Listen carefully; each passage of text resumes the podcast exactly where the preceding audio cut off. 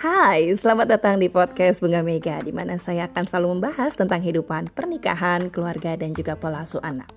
Di episode yang selalu saya desain kurang dari 15 menit, semoga bisa membuka pikiran, membuka hati, dan juga membuka wawasan tentang bagaimana kita bisa menikmati pernikahan di dalam kehidupan kita.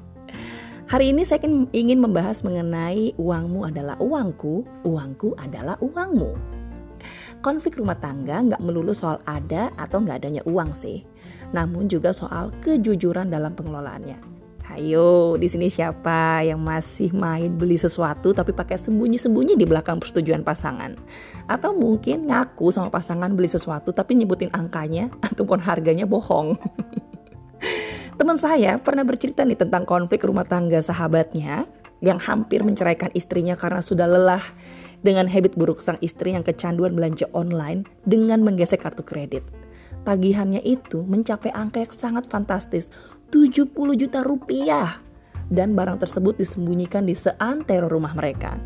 Hingga akhirnya sang suami terpaksa menjual motornya demi melunasi hutang sang istri. Saya pribadi juga memiliki saudara yang sangat gadget freak, namun kurang berintegritas dalam pengelolaan uang. Salah satu hal tergila yang pernah dilakukannya adalah ketika istrinya sedang bisnis trip ke luar negeri, dia membeli handphone keluaran terbaru hanya untuk diotak-atik. Dicoba fitur-fiturnya, dan beberapa hari kemudian dijual bertepatan dengan sang istri kembali ke Indonesia. Oh my god, I don't know what I have to do if it is happen in my marriage.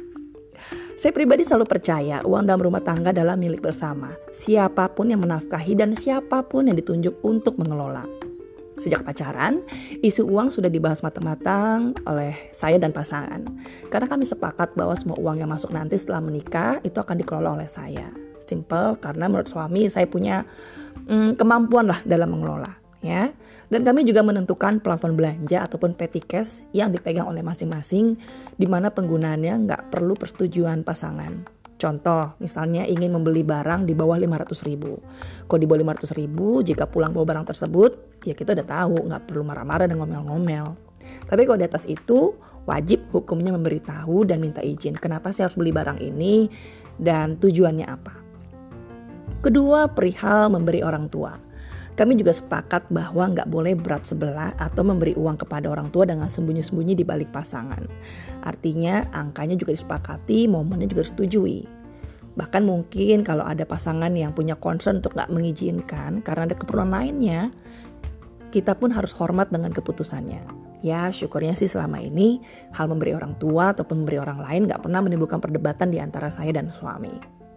Saya yakin masih banyak lagi cerita-cerita di dalam pernikahan kita, pernikahan Anda, dan pernikahan di sekitar kita tentang bagaimana kesepakatan uang dibuat.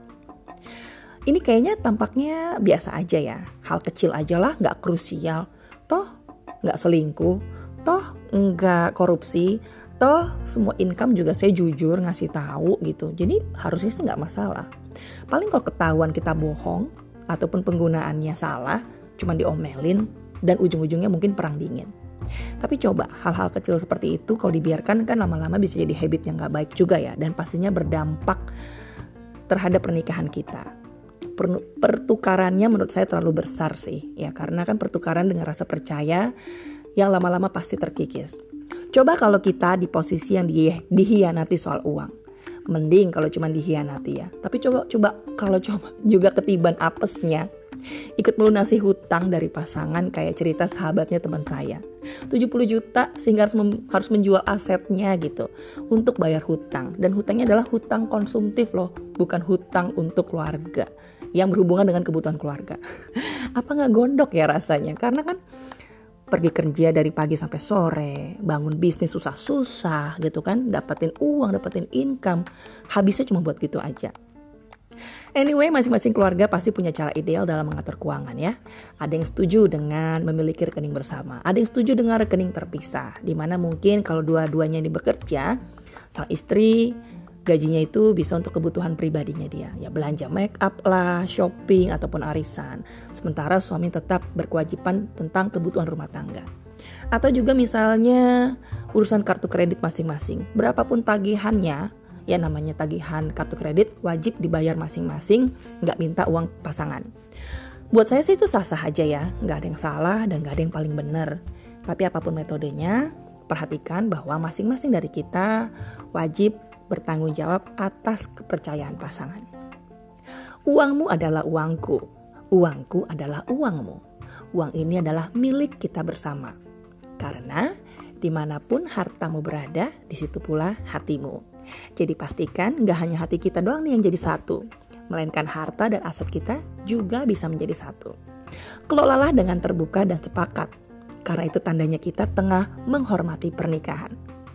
Silakan follow saya di Instagram di @bunga_mega atau juga bisa baca tulisan saya di www.bungamega.com.